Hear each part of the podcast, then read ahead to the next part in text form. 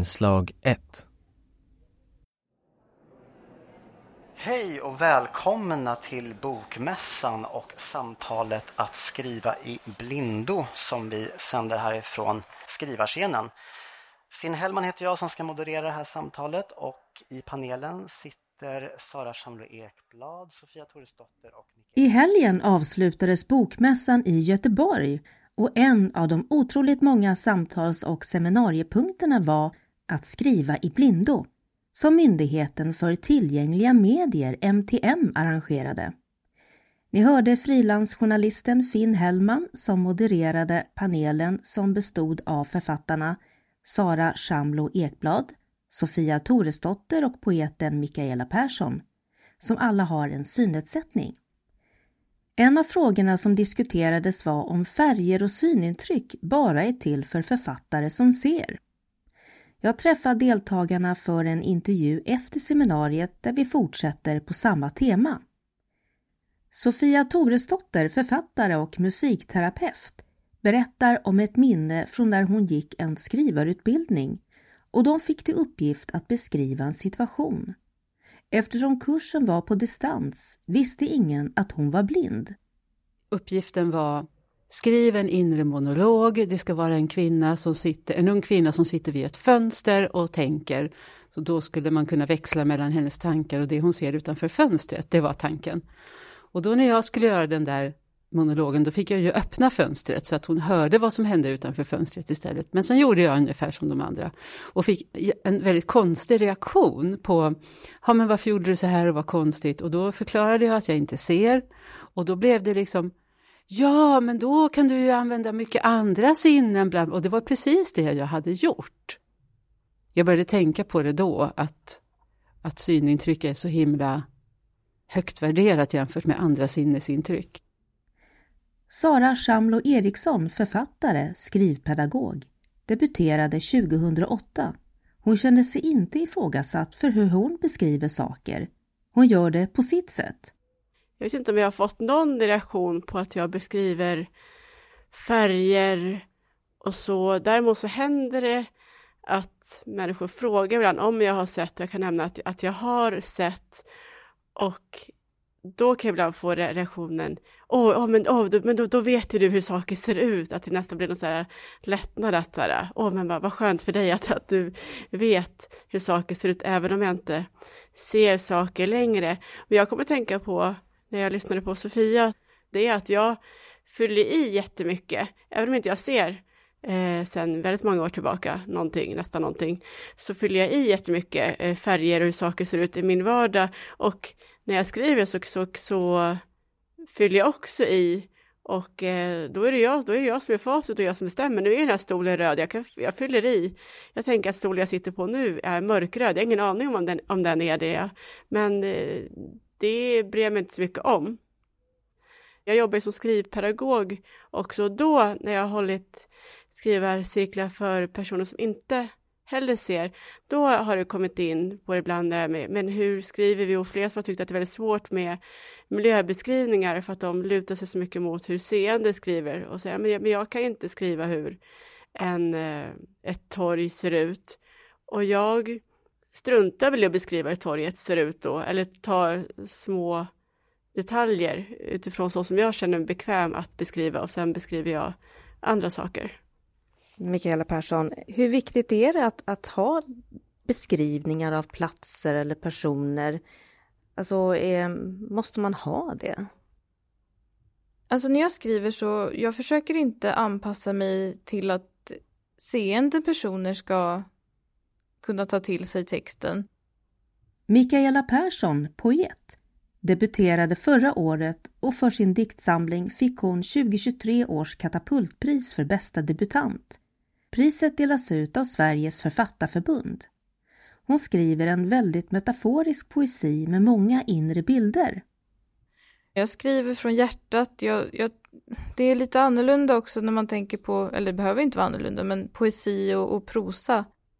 Jag skriver ju själv mycket i färger och försöker beskriva visuella fenomen, men det intresserar mig så väldigt mycket som jag pratade om på seminariet och försöka utröna vad är en färg? Vilken textur skulle en färg ha om jag kunde känna på en färg? Eller ut, försöka utröna hur månen ser ut på himlen. Sofia Toresdotter. Jag, jag skrev min uppsats i, när jag blev psykodramaterapeut om inre bilder i terapi. Och då läste jag en terapeut som heter Marta Kullberg som håller på med symboldrama. Hon tyckte att man istället skulle använda ordet inre föreställningar. För hon sa att de flesta människor som föreställer sig saker, de, de föreställer sig inte bara det som en bild, utan de föreställer sig det som doft, ljud, smak, allt möjligt. Mm. Och för mig blev det, när jag började tänka och säga så, inre föreställning, så blev det mycket lättare för mig att jobba med skrivande och tänkande också. För att inre bild för mig var mera som att jag hade någon sorts skärm bakom ögonen där jag såg saker. Medan inre föreställning blir ett mycket friare begrepp. Liksom. Och då behöver man inte vara så petig med vilket sinnesintryck jag använder för att föreställa mig en sak. tyckte jag var ett jättebra, ja. en jättebra sak. Mm. Föreställ, inre föreställningar. Jag tänkte på två saker nu. Den ena var det här med färg och beskriva färg. Och när jag var yngre så var det så att när människor sa, hur, hur, kan du, hur, hur föreställer du dig rött Sofia? Hur föreställer Och jag försökte på alla möjliga sätt. Det smakar jordgubbe, det är varmt, bla bla bla. Sen så när jag blev lite äldre och modigare, då började jag fråga dem, dem tillbaka, seende personer. Hur föreställer du dig rött? Och då visade det sig att att de sa väldigt olika saker. Dels att om de skulle beskriva en färg var de också tvungna att använda andra ord. Alltså precis som jag. De kan inte heller berätta hur en färg ser ut egentligen. Eh, Vad fick du för svar? Nej men det var alltså, då, då, blev det som att, men du vet så här, grönt är som doften av nyklippt gräs. Ja det vet jag väl. det var liksom, ja, och blått det är som, det är lite kallt, det är som, det kan vara som mint eller det kan vara som Ja, jag vet. Och då, då kändes det, jag kunde nästan bli lite så här arg i efterskott på alla människor som hade fått mig att tro att de hade någon sorts sannare verklighet än, än min. Alltså jag, jag kommer ihåg, jag jobbade med, läst, lärde ut punktskrift och det var någon som hade ett synskadat barn som sa Ja, jag, tänker inte, jag pratar inte om färger med honom för han vet ju inte vad det är. Och då tänkte jag, nej men tro fan att han inte vet vad det är om du aldrig pratar med honom om det. Alltså, vi måste kunna dela med oss ändå, även om vi inte riktigt, vi vet aldrig vad någon annan föreställer sig när vi berättar någonting. Sara Shamlo Eriksson. Det är så intressant att vissa saker är så laddade, att just färger blir så laddat, men att förklara olika halvtoner och sådär som alla inte hör. Det, det är liksom inte laddat på. Nej. Så, ja, ja, det, ja. Mm. Mikaela Persson. Det fastnar jag mycket på när jag skriver, när jag ska beskriva blomdofter. En blomdoft kan ju vara så otroligt ljuvlig, men hur ska man kunna beskriva den? Mm. Men det blir ju med synonyma blommor då ibland.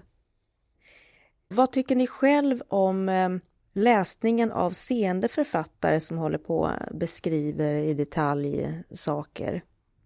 Är det, är det en viktig läsupplevelse, Mikaela? Om det är någonting som jag är intresserad av så tycker jag att det är väldigt givande och det ger mig mycket inspiration. Till exempel nu när jag ska läsa mycket om månen och gör research, då jag tycker mycket om människor som beskriver månsken för dem men också fysiska saker, som när de beskriver en trädgård till exempel.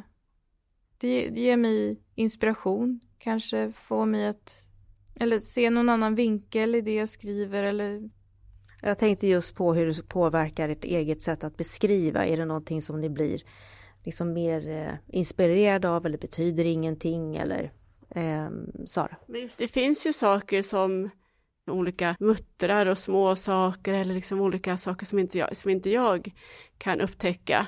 Men jag kan också bli uttråkad av långa beskrivningar. Så för mig beror det mycket på vilket sammanhang och, och vilken text det är och hur relevant det är i det sammanhanget.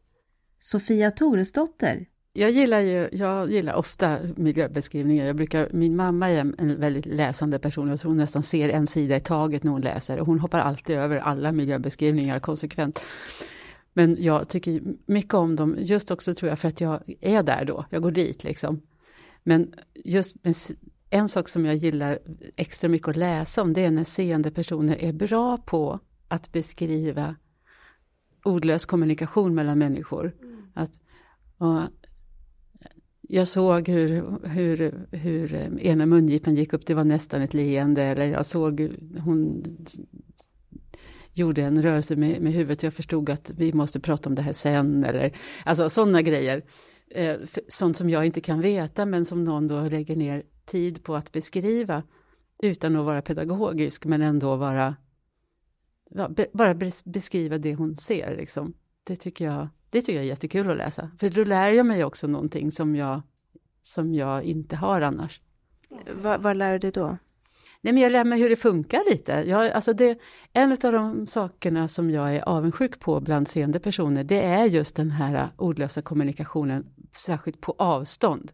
Man ser någon på andra sidan på nästa perrong, spår emellan, och man kan kommunicera genom att vinka eller, eller bara visa, hej, hej, jag ser dig, liksom. Eh, och den sortens kommunikation, den, den vet jag bara om att den pågår, men jag vet inte hur den funkar, och då är det det är jättekul att läsa om tycker jag. Jag håller verkligen med. Mm. Ja, men jag håller också med. Mm. Jag skulle bara tillägga att jag skriver ju narrativ poesi skulle jag säga, mer nu den andra boken och då använder jag ju verkligen beskrivningar av detaljer. Det är väldigt mycket, mina dikter är väldigt detaljrika. Så det är i högsta grad viktigt för mig. Det jag vill säga det är ju att jag har ett starkt intresse för färger. Jag vill veta hur, vad en färg är. Så det är det som driver mig att utforska färgerna. Men varför är det så viktigt att du vill veta vad en färg är? Nej, men jag bara är fascinerad av det. Och eh, många skriver om saker de, de inte riktigt kanske vet hur det är och hur det ter sig. Det kan ju också vara vad är en själ? Eller vad är Gud? Människor funderar över det. Ja, kanske utan att riktigt veta. Det är subjektivt och jag tror att det är så färger är också och att det är därför jag är intresserad av färger. Jag, jag tänkte också på det här med färg, för mig, när, när jag föddes så var jag efterlängtad flicka. Min mamma hade fått två pojkar och hon hade hoppats på en flicka som hon skulle kunna få hålla på med och kläder, hon gillar att sy och och hon gillar att hålla på med färg och det är liksom, jag är född på 60-talet så det var det fortfarande mycket tänk att flickor är mera intresserade av det än pojkar. Och så kunde jag inte se men det gjorde ju inte att hon lät bli, så som den här jag berättade om förut, utan hon har ju alltid pratat om färger med mig. Hon har pratat om nyanser, hon har pratat om olika värme i färgerna. Hon har använt musiken som beskrivning av en färg, eh, eftersom det finns ju ord som heter färgklang och sådär.